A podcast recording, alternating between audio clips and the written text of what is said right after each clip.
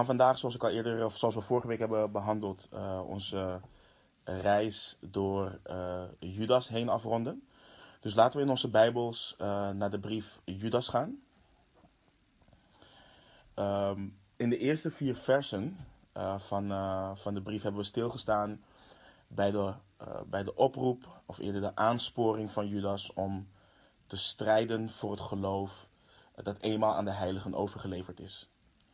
En vorige week hebben we uh, versen 5 tot en met 16 uh, eh, behandeld en gekeken naar de waarschuwing tegen valse leraren en de kenmerken van valse leraren. En uh, we hebben ook gekeken naar het feit dat het oordeel over deze val valse leraren vaststaat. En vandaag kijken we naar de vermaning van Judas in, in hoe te strijden voor het geloof en wat het contrast tussen ons en, en dwaalleraren hoort te zijn. En dat, dat, zijn versen 17 tot en met 25. Uh, eh, laten we de tekst uh, lezen, uh, bidden en vervolgens de tekst induiken en ontdekken wat onze Hemelse Vader ons vandaag wilt leren. Dus we beginnen bij Judas vanaf vers 17, waar Judas schrijft onder leiding van de Heilige Geest. Maar u, geliefden, herinnert u zich de woorden die, voorzeg, die voorzegd zijn door de apostelen van onze Heer Jezus Christus. Dat zij u gezegd hebben dat er in de laatste tijd spotters zullen zijn, die naar hun eigen goddeloze begeerten wandelen. Zij zijn het die scheuringen veroorzaken, natuurlijke mensen die de geest niet hebben. Maar u, geliefden, bouw uzelf op in uw allerheiligst geloof en bid in de Heilige Geest. Bewaar uzelf in de liefde van God en verwacht de barmhartigheid van onze Heer Jezus Christus tot het eeuwige leven. En ontferm u over sommigen en ga daarbij met onderscheid te werk. Red anderen echter met vrees en ruk hen uit het vuur. U moet ook het onderkleed haten dat door het vlees bevlekt is. Aan hem nu, die wij machten, is u voor struikelen te bewaren en u smetteloos te stellen voor, voor zijn heerlijkheid in grote vreugde, de alleenwijze God, onze zaligmaker, zij heerlijkheid en majesteit, kracht en macht, nu en in alle eeuwigheid. Amen. Laten we bidden. Heere God, we zijn u, Heer, iedere week bidden we dat we u dankbaar zijn voor, voor deze dag, voor, voor de ochtend, dat we um, op deze manier samen kunnen komen, dat we uw woord kunnen induiken.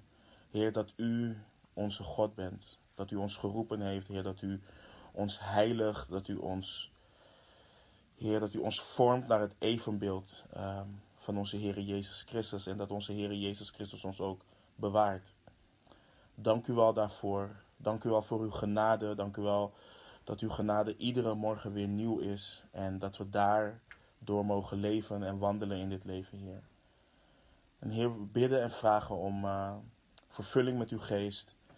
Dat u onze ogen opent, dat u ons verstand opent, opdat we de schriften mogen begrijpen en, en Christus hierin ook mogen zien. Dus Heer, u weet wat voor week we achter de rug hebben. U weet wat er ook voor ons staat, Heer. En ik bid dat u onze ogen richt op u. Um, dat u afleiding bij ons vandaan neemt. En um, Heer, dat dit woord ons vreugde mag brengen. En dat het eeuwig vrucht mag dragen. Heer, we loven en prijzen uw naam. En vragen al deze dingen in Jezus' naam. Amen. Uh, zoals ik net al zei, hebben we uh, vorige week in, in, in detail gekeken um, naar de kenmerken van, van dwaalleraren. Uh, hoe zij te werk gaan en hoe Judas voorbeelden vanuit het Oude Testament en enkele Joodse geschriften gebruikt om aan te geven dat het oordeel over deze mensen vaststaat. Um, maar niet alleen dat, Judas heeft laten zien hoe het elke keer een klein groepje dwaalleraren of een valse profeet is gelukt om niet alleen hunzelf de afgrond uh, in te helpen, maar uh, dat zij anderen daar ook in meenemen. En Judas wil deze mensen dus beschermen onder leiding van Gods geest om, om niet weggevoerd te worden door dwaalleraren. En ik heb, het, um, ik heb het vorige week al gezegd, maar ik, ik zeg het nogmaals. Deze brief is niet geschreven zodat we allemaal sceptisch worden over alles en iedereen en op zoek gaan naar elke fout in iemands theologie. Uh, om vervolgens die persoon aan een schandpaal te nagelen of wat dan ook. Vers 3 leert ons niet om op zoek te gaan naar valse leraren en hun valse leer. Het leert ons om te staan voor de waarheid en die waarheid te verkondigen en te verdedigen wanneer dwaalleraren de kerk binnensluipen en men in zonde leidt door hun onderwijs. Want dwaalleer leidt vroeg of laat altijd tot zonde. Dus het is belangrijk om dat ook in gedachten te houden. En uh, dat we niet op zoek gaan naar valse leraren om ze zomaar even uh, af te fikken, als we dat zo even mogen zeggen.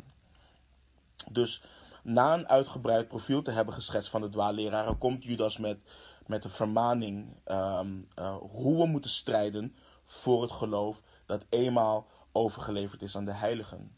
En hij geeft ons zeven dingen geeft hij ons om te doen. Um, herinneren wat er door de apostelen is voorzegd.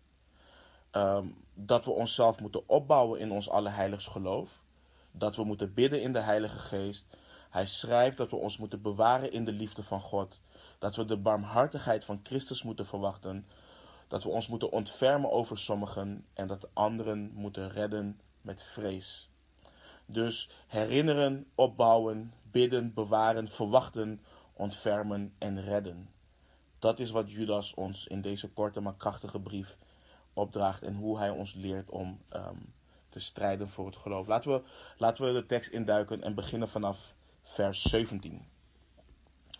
Maar u, geliefden, herinnert u zich de woorden die voorzegd zijn door de apostelen van onze Heer Jezus Christus. Dat zij u gezegd hebben dat er in de laatste tijd spotters zullen zijn, die naar hun eigen goddeloze begeerten wandelen. Zij zijn het die scheuringen veroorzaken, natuurlijke mensen die de geest niet hebben. Wanneer we deze brief lezen, uh, kunnen we denken door de sterk uh, veroordelende taal over de dwaalleraren dat Judas deze brief schreef terwijl hij helemaal door het lint ging. Uh, dat hij boos was. maar net zoals we in de eerste brief van Johannes hebben kunnen lezen, wordt ook Judas gedreven door liefde. Hij noemt hen geliefden. En, en het Griekse woord wat Judas hiervoor gebruikt, is, het, is afgeleid van het woord um, agapao. En, en, en het werkwoord van agape, waar we het over hebben gehad. Hè? Agape liefde, onvoorwaardelijke, goddelijke liefde. Dus Judas veroordeelt zijn lezers niet. Hij is niet klaar met hun. Hij houdt juist van zijn broeders en zusters. En daarom schrijft hij deze brief ook onder leiding van de Heilige Geest. We weten hè, dat Judas eerst wilde schrijven over de, de, de gemeenschappelijke uh, uh, zaligheid, maar dat hij gedreven werd door de Heilige Geest om juist dit te schrijven. Dus hij houdt van hen met de liefde van Christus. En het is ook belangrijk om daarbij stil te staan, want we leven namelijk in een tijd waarin binnen het lichaam van Christus dezelfde kijk is op liefde als, als, um, als hoe de wereld naar liefde kijkt we moeten elkaar niet oordelen. We moeten elkaars mening, meningen respecteren. En, en tot op zekere hoogte ben ik het daarmee eens. Uh, totdat het gaat over hoe we naar de Bijbel kijken. God heeft ons zijn woord namelijk niet gegeven. Um, en het voor ons opengelaten om een mening hierover of daarover te hebben. Hij heeft ons zijn woord gegeven opdat we hem en zijn wil kunnen leren kennen. En als reactie ook kunnen leven naar zijn wil voor zijn glorie en voor zijn heerlijkheid. En het idee dat we moeten leven en laten leven en dat bijbelse liefde noemen is tegen Gods kijk op liefde ingaan. Het is juist omdat we weten waar een verkeerd beeld van God, wat, wat komt uit het verkeerd interpreteren van Gods woord, naartoe leidt. Dat we iemand daarin op liefde wijzen. En Judas, maar ook de andere schrijvers van boeken en brieven in de Bijbel laten zien dat ze vanuit hun liefde voor God, wat er uiteindelijk ook voor zorgt dat je liefde hebt voor je broeders en je zusters, hen sterk vermanen of aansporen. En, en daarom maakt zo'n simpel woord als geliefde, wat Judas overigens drie keer in deze brief gebruikt, zo belangrijk en essentieel. We moeten niet vergeten dat Judas wordt gedreven door liefde. En, en we moeten ook niet vergeten dat wanneer wanneer wij bijvoorbeeld in, in, in zonde dreigen te vallen of wat dan ook, of iets, of iets niet bij het juiste eind hebben, en een broeder of een zuster ons daarop wijst, dat we niet in een verdedigende houding moeten gaan, maar dat we moeten onthouden, hey, deze persoon houdt van mij, deze persoon houdt van Christus, houdt van de waarheid en, en vermaant mij daarom in liefde in Christus. Dus we moeten dat altijd in gedachten blijven houden, zodat we elkaar ook kunnen opbouwen, elkaar kunnen sterken en elkaar scherp kunnen houden. Judas geeft de opdracht ehm, dat de heiligen toen, maar ook nu, zich de woorden moeten herinneren van de apostelen van onze Heer Jezus Christus. En in de tijd van Judas, uh, toen sommige van de apostelen nog leefden, weten we dat de woorden van de apostelen uh, vooral mondeling werden doorgegeven. Er, er circuleerden wel uh, al brieven van de apostelen, maar de woorden werden mondeling doorgegeven. En Judas spoort hen aan om die woorden te herinneren. En in het Grieks schetst dit het idee dat dit iets is wat ze niet mogen vergeten. Ze mogen de woorden van de apostelen niet vergeten. Ze moeten zich dit actief blijven herinneren. Het betekent in het Grieks dat je niet op een onbezonnen manier, op een lichtelijke manier met de woorden van de apostelen omgaat. Dus niet lichtzinnig. Dat is wat Judas schrijft.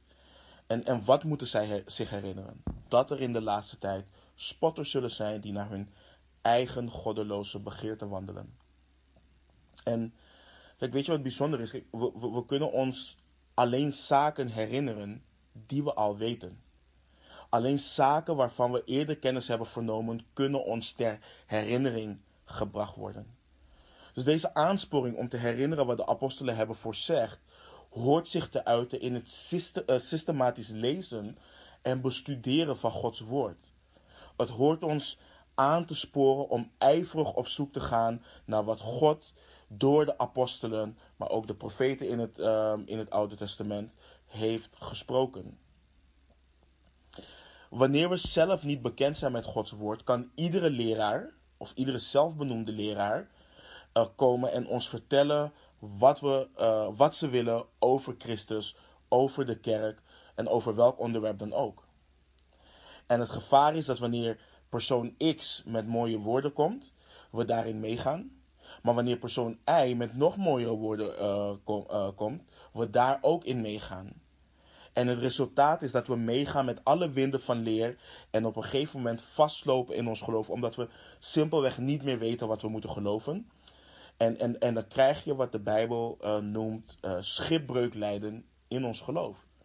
Want wie moet je vertrouwen? Waar, wat, wat is de waarheid? En dat is overgeleverd in, in Gods woord.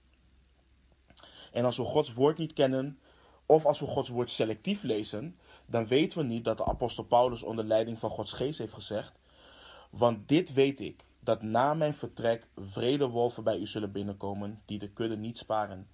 En dat uit uw eigen midden mannen zullen opstaan, die de waarheid verdraaien om de discipelen weg te trekken achter zich aan.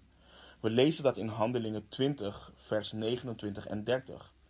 Dus de apostel Paulus heeft dit gezegd. Maar als we, ons, als we het woord niet lezen, als we um, selectief omgaan met het woord, dan, dan, dan weten we dat niet. Of dat Paulus schreef in 2 Timotheus 3, vers 1 tot en met 5. Dan schrijft Paulus: En weet dit, dat in de laatste dagen zware tijden zullen aanbreken.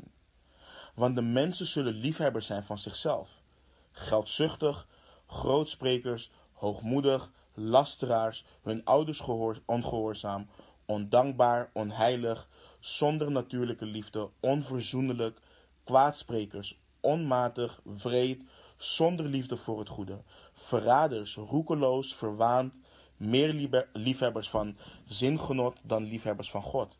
Ze hebben een schijn van Gods vrucht, van Gods vrucht, maar hebben de kracht ervan verlogen. Keur u ook van hun af. Dat is wat Paulus schrijft in, in 2 Timotheus 3, versen 1 tot en met 5. Maar we zullen dan ook niet weten bijvoorbeeld dat de apostel Petrus schreef in 2 Petrus 3, vers 3. Dit moet u allereerst weten, dat er in het laatste der dagen spotters zullen komen die naar hun eigen begeerten zullen wandelen. Kijk, al deze dingen leren we niet wanneer we selectief met de Bijbel omgaan. Of wanneer we het woord helemaal niet lezen.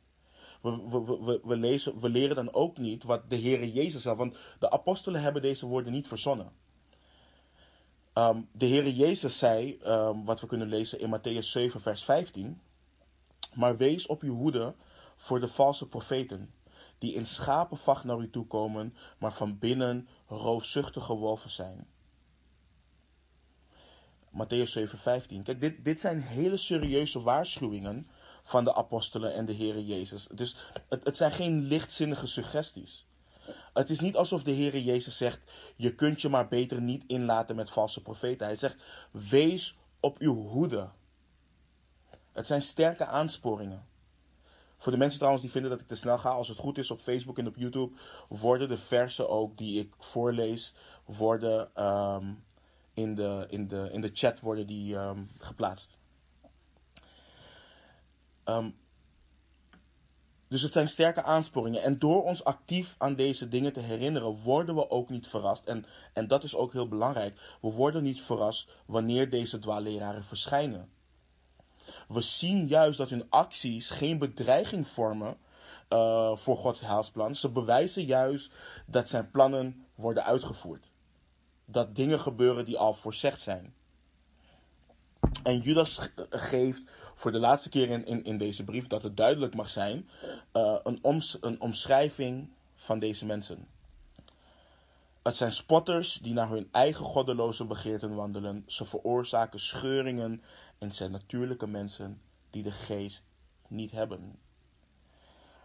Uh, spotters zijn mensen die cynisch zijn. Ze maken het woord van God belachelijk.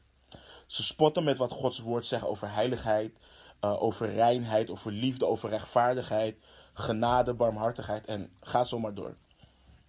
Ze onderschikken zich niet aan de autoriteit van de schrift, maar geloven wat ze willen geloven en leven daardoor hoe ze zelf willen leven. En, en, en wat een spotter waar Judas het over heeft vaak ook kenmerkt, is dat dit soort mensen hun goddeloze levensstijl vaak niet uiten van oké, jij hebt jouw leven, ik heb mijn leven, of dit is de waarheid. Nee, wat zij doen is, um, ze bespotten degene die het woord van God serieus nemen. Dat doen ze heel vaak. En bestempelen ze uh, uh, vervolgens als dwaas of onwetend of hypocriete. Dat is vaak hoe ze te werk gaan. En je ziet dit heel duidelijk terug in onze tijd aan de manier waarop christenen vaak worden afgebeeld in de media. En ook door mensen in de academische wereld.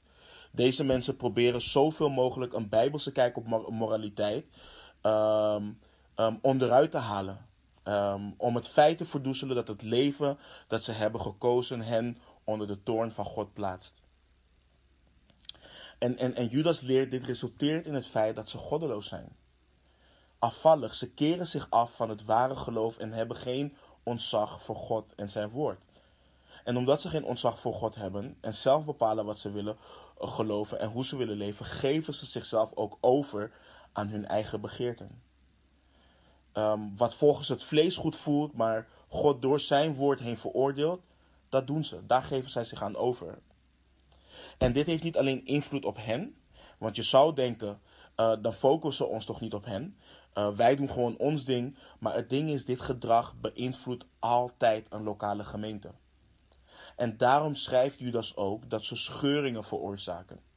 Ze veroorzaken scheuringen door te verwerpen wat het leiderschap vanuit Gods woord onderwijst.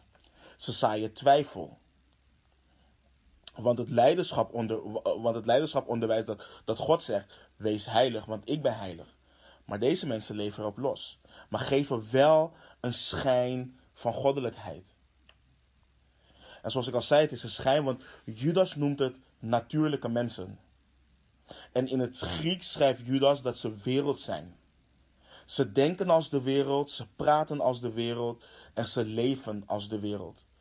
Ze laten zich net zoals iedere persoon die niet wedergeboren is leiden door hun zondige en gevallen natuur. En het laatste wat Judas over hen schrijft is eigenlijk ook een climax uh, van alles wat hij totaal heeft geschreven over deze mensen. Hij schrijft dat ze de geest niet hebben. En waarom is dit een climax?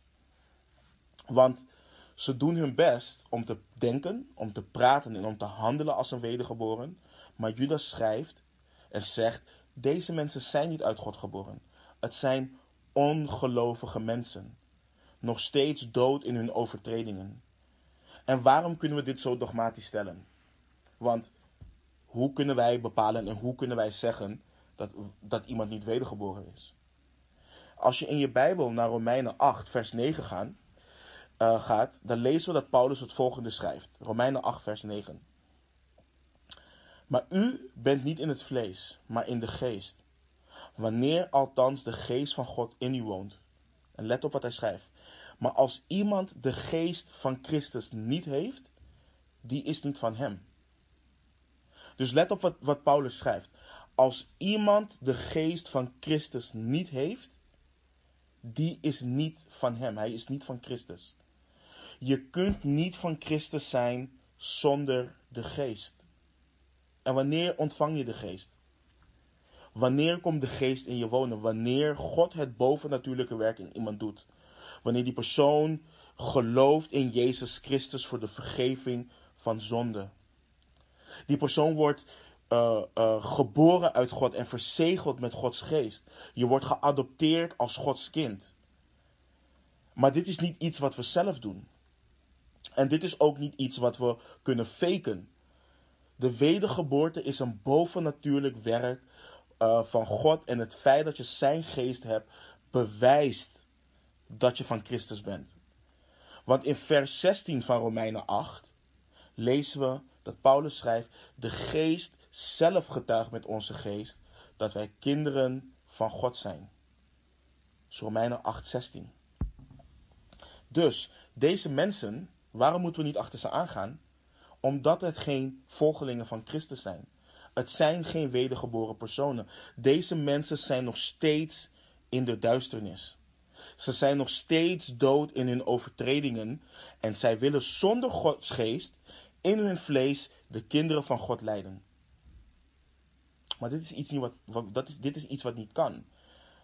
En, en, en ik denk dat we het allemaal um, erover eens zijn dat dit iets is wat we niet moeten willen. Dat mensen in hun vlees ons leiden.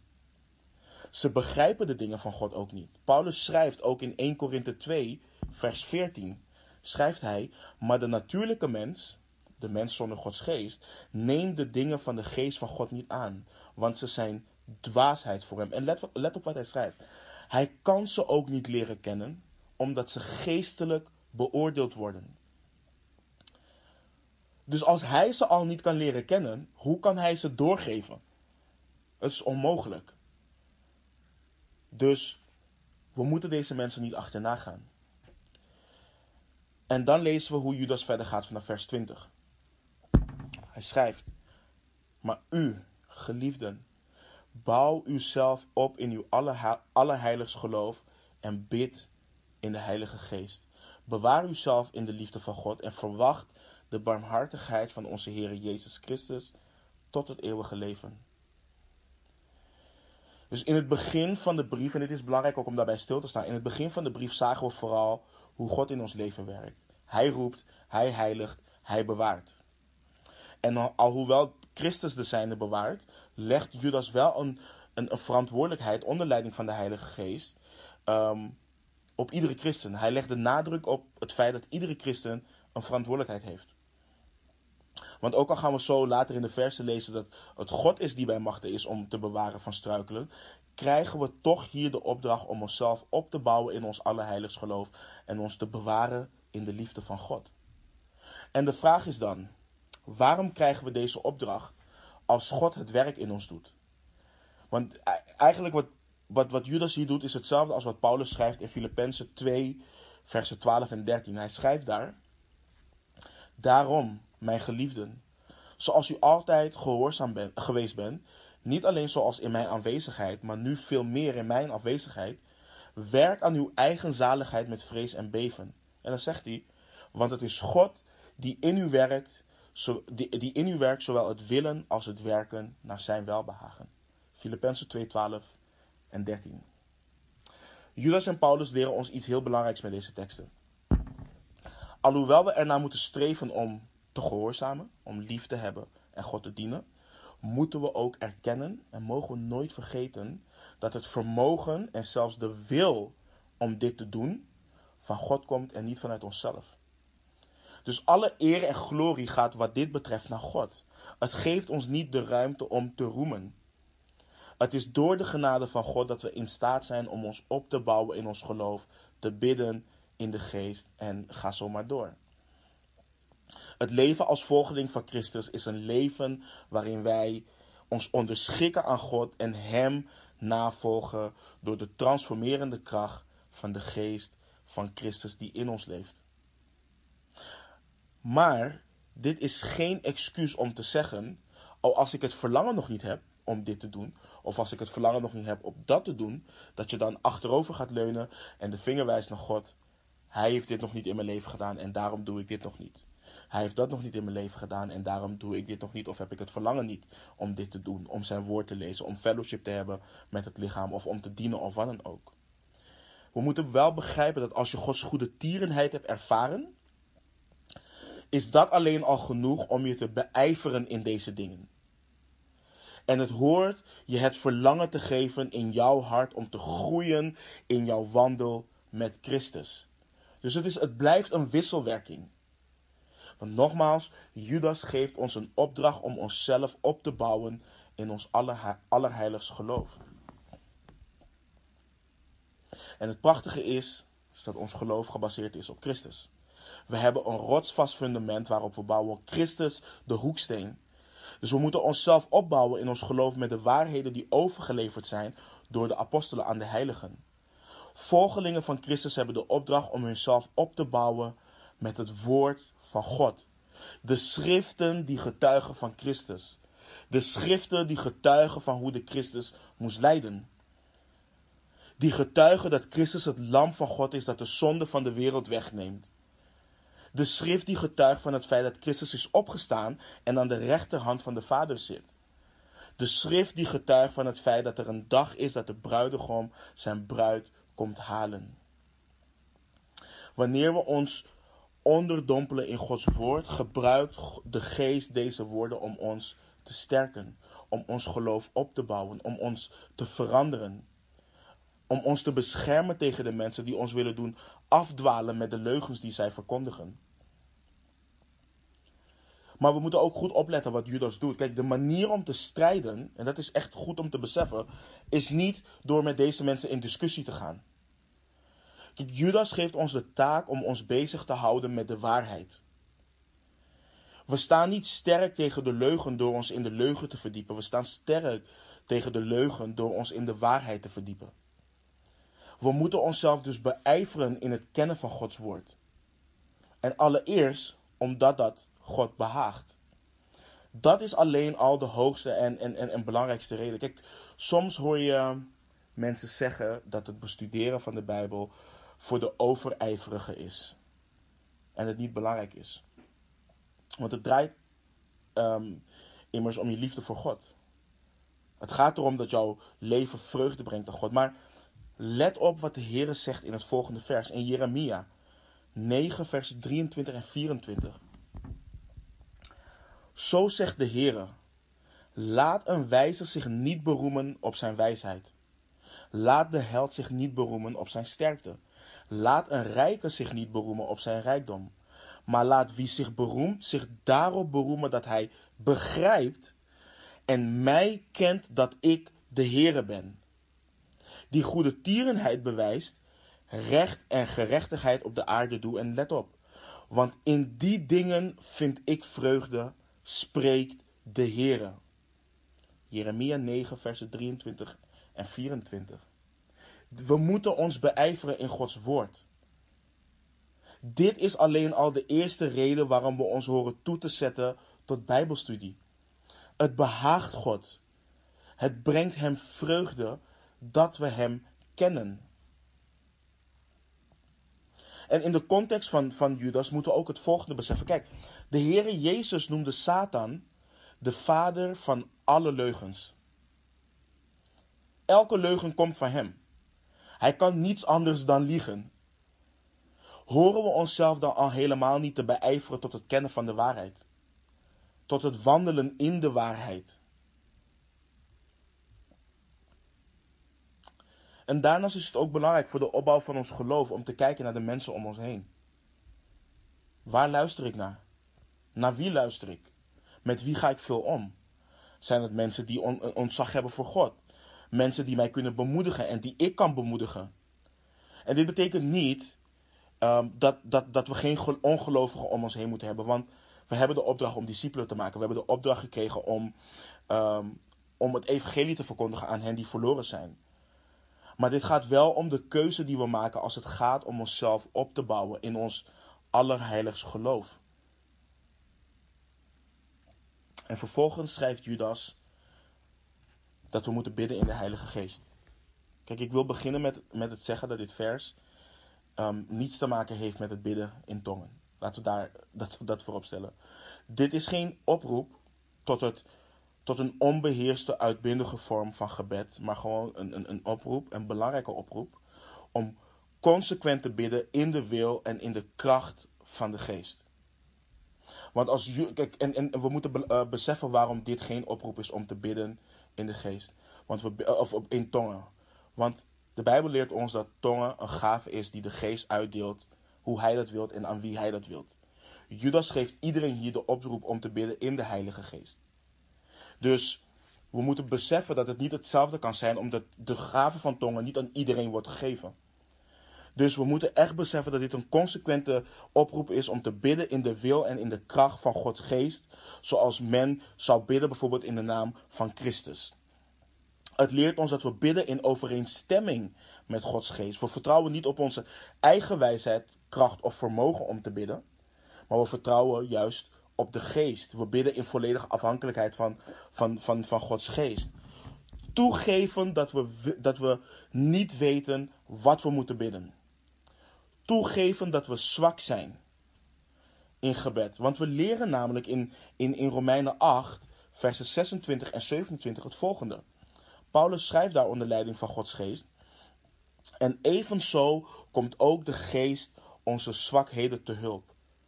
Want wij weten niet wat wij bidden zullen zoals het behoort. Dus let goed op. Want wij weten niet wat wij bidden zullen zoals het behoort. En dan schrijft hij: De geest zelf echter pleit voor ons met onuitsprekelijke. Uh, verzuchtigingen. En hij die de harten doorzoekt, weet wat het denken van de geest is, omdat hij naar de wil van God voor de heiligen pleit. Het bidden in de geest laat zien dat we alles van Hem verwachten en we vertrouwen op Hem om ons te leiden. Want stel dat iemand naar ons toe komt met een woord over wat God wil dat we doen. Of wat God wil dat we weten. We wenden ons dan in gebed tot God en luisteren naar wat Hij te zeggen heeft. We hebben de raad van Gods geest nodig om te toetsen wat er tegen ons gezegd wordt. En Paulus leert ons ook, ehm, wanneer hij schrijft over de wapenrusting aandoen in Efeze 6, dat we bij elke gelegenheid met alle gebed en smekingen bidden in de geest en daarin waakzaam zijn met alle volhardingen en smekingen voor alle heiligen. We lezen dat in Efeze 6:18. Kijk, en, en kijk, ik kan niet benadrukken, of ik kan niet genoeg benadrukken hoe belangrijk een actief gebedsleven is. En let goed op wat Judas doet en wat hij schrijft. Het is niet of-of.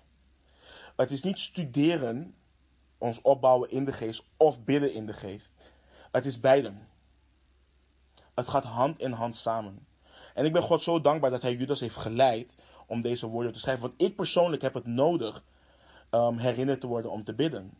Want het is bij mij zo makkelijk om te gaan vertrouwen op wat ik weet. Of omdat ik makkelijk veel informatie tot me kan nemen. Het gevaar wordt dan dat ik minder ga bidden. Dat ik um, um, ga, ga, ga vertrouwen op wat ik weet vanuit Gods woord. En dit soort versen herinneren mij eraan dat het niet uitmaakt hoeveel je weet en wat je weet. Die kennis is niets als je God niet om zijn wijsheid vraagt hoe dit toe te passen in je leven. Maar hetzelfde gevaar bestaat ook bij uh, de mensen die excuses bedenken om die te lezen en te studeren. Want wanneer je vraagt naar hun relatie met God, hoor je vaak: Ja, ik bid wel. Of ik luister wel veel naar aanbiddingsliederen. En Judas leert ons dat we volledig afhankelijk moeten zijn van Gods woord en van God in gebed. Dus die dingen gaan hand en hand samen. En vervolgens gaat Judas verder en schrijft hij dat we ons moeten bewaren in de liefde van God. Voor de mensen die de woorden van de Heer Jezus Christus kennen, uh, doen deze woorden denken aan wat de Heer Jezus heeft gezegd tegen zijn discipelen. In, in Johannes 15, versen 9 en 10 lezen we dat de Heer Jezus zei: Zoals de Vader mij lief gehad heeft, heb ook ik u lief gehad. Blijf in mijn liefde. Als u mijn geboden in acht neemt, zult u in mijn liefde blijven. Zoals ik de geboden van mijn vader in acht genomen heb en in zijn liefde blijf. Dus door ons op te bouwen in Gods woord en vurig in gebed te blijven, bewaren we onszelf in de liefde van God. En wanneer we ons niet bevinden in Gods woord en in gebed, dan zal onze liefde voor God ook doven. En deze valse leraren die promoten juist gedachten en handelingen die liefdeloos zijn. Ze hebben God niet lief. Ze, ze, hebben zijn woord niet lief. Ze hebben de gemeente, zijn, zijn lichaam, zijn kerk niet lief. Want ze zorgen voor scheuringen. Maar wanneer wij de geboden van Christus in acht nemen, dan zullen wij in zijn liefde blijven. We zullen groeien in liefde. Dus we horen het voorbeeld van Christus te volgen, die de geboden van zijn Vader in acht genomen heeft. En vervolgens schrijft Judas en verwacht de barmhartigheid van onze Heer Jezus Christus tot het eeuwige leven. Dit is een um, groot verschil ten opzichte van de valse leraren die zijn binnengeslopen. Daar waar hun focus was en is op de onmiddellijke bevrediging van hun vleeselijke verlangens, is de hoop van Gods kinderen toekomstgericht. Dus hoewel de dwaalleraar toeneemt en de goddeloosheid ook toeneemt, houden wij als volgelingen van Christus onze blik gericht op de zekerheid dat Christus voor ons zal komen. Paulus schrijft ook over deze hoop in 1 Thessalonicense versen. Uh, in 1 Thessalonicense 4 versen 16 en 17. Ik, ik vind dit prachtige versen. Waar Paulus schrijft, want de Heere zelf zal met een geroep, met de stem van een aartsengel en met een bazuin van God neerdalen uit de hemel. En de doden die in Christus zijn, zullen eerst opstaan. Daarna zullen wij, de levenden die overgebleven zijn, samen met hen opgenomen worden in de wolken naar een ontmoeting met de Here in de lucht. En zo zullen wij altijd bij de Here zijn. In het volgende vers schrijft uh, van, van, van dit hoofdstuk, of van 1 Thessalonicense vers, uh, um, hoofdstuk 4, schrijft Paulus zelf dat we elkaar moeten troosten met deze woorden. En door, door onze blik te richten op de hoop die we hebben, zullen we alle angst kunnen doorstaan en voorbereid zijn op de uitdagingen en tegenslagen die we zullen ervaren als zijn lichaam. En deze hoop zal ons geloof versterken en opbouwen en ons in, in staat stellen onszelf door die heerlijke dag in de liefde van God te bewaren. Dus we moeten altijd onze ogen gericht houden op, op, de, uh, op de hoop, de zekerheid die we hebben, de barmhartigheid tot het eeuwige leven. En Judas schrijft verder en ontferm u over sommigen, en ga daarbij met onderscheid te werk. Red anderen echter met vrees en ruk hen uit het vuur. U moet ook het onderkleed haten dat door het vlees bevlekt is. In deze versen leert Judas ons hoe we horen om te gaan met de mensen om ons heen die achter dwaalleraren uh, aangaan. Dat is belangrijk voor ons. De vraag is, moeten we ze vermijden? Moeten we ze uit de kerk zetten? Uh, moeten ze gevreesd worden? Moeten ze geminacht worden of gehaat worden? Nee, Judas schrijft dat ze barmhartigheid getoond moeten worden. We moeten ons over hen ontfermen. En het is belangrijk om het stukje onderscheid daarin mee te nemen. In de oorspronkelijke tekst is het namelijk um, duidelijk dat Judas het heeft over hen die beïnvloed worden door dwaalleraren. Niet de dwaalleraren zelf. We moeten ons ontfermen over de schapen die het prooi zijn van dieven en rovers. We moeten ze niet lasteren. We moeten ze niet persoonlijk aanvallen. We moeten ze ook niet negeren. Maar we moeten ook zeker niet de dingen die ze zijn gaan geloven tolereren. In de liefde van God moeten we ons over hen ontfermen. En Judas leert ons dat we bij sommige mensen met onderscheid van Gods geest rustig te werk moeten gaan. We wijzen hen op de liefde, op de genade en op de barmhartigheid van God. We nemen ze, we nemen rustig de tijd om naar hen te luisteren en vervolgens het woord van God erbij te pakken om de schrift te laten spreken. En dit kunnen mensen zijn die twijfelen, die nog geen zekerheid hebben over de waarheid. Het kunnen jonggelovigen zijn. En we moeten ons ontfermen over, over deze mensen. En dit geldt ook trouwens niet alleen voor, um, voor hen die geloven. Dit, dit, dit heeft ook, hier moeten we ook rekening mee houden in onze evangelisatie. Want Judas gaat zometeen ook schrijven dat sommigen je uit het vuur moet rukken. En sommige mensen die komen tot geloof wanneer ze horen over de liefde van God. Wat, wat ik net al zei, wanneer je de tijd neemt om, om hen de schrift uit te leggen, om hen het evangelie uit te leggen, om hen duidelijk te maken dat God zijn liefde aan hun heeft laten zien ehm, door het offer van Jezus aan het kruis. Maar sommige mensen moet je uit het vuur rukken. En bij sommige mensen moet je ze duidelijk maken dat als ze zich niet bekeren, dat hun de toorn van God staat te wachten. En dat het oordeel van God over hen heen zal komen. Dus dat, je, je moet echt met onderscheid te werk gaan. En, en dat is ook wat Judas ons hier leert. En het leert ons dat we afhankelijk moeten zijn van de geest wanneer we omgaan met anderen. Dus anderen die niet twijfelen, maar zich echt hebben ingelaten met de dwaalleraren en hun dwaalleer. Zij die de dwaalleraren echt omarmen, bij hen moet je de nadruk leggen op wat ik net al zei, wat ze te wachten staat als ze deze valse leraren en hun leer en hun levensstijl omarmen. Ze moeten gerukt worden uit het vuur, zegt Judas. Maar Judas schrijft wel dat we dat met vrees moeten doen. En ik geloof dat Judas hier hetzelfde zegt als wat Paulus in Galaten 6, vers 1 schrijft. Hij schrijft: Broeders, ook als iemand onverhoeds tot enige overtreding komt, moet u die geestelijk bent zo iemand weer terechtwijzen. En dan schrijft hij: In een geest van zachtmoedigheid. Houd intussen uzelf in het oog, opdat ook u niet in verzoeking komt. Dus Judas leert ons dat, zij, dat ook zij onze barmhartigheid nodig hebben. Maar dat we wel met vrees te werk moeten gaan. We moeten onszelf goed in de gaten houden wanneer we dit doen. En het belangrijke is ook, en zo, soms kunnen we kijken naar mensen en zeggen: Weet je, ik zou nooit dat doen. Ik zou nooit die dwaalleraar achterna gaan. Want dit staat toch heel duidelijk in Gods woord. Ik zou nooit die zonde doen.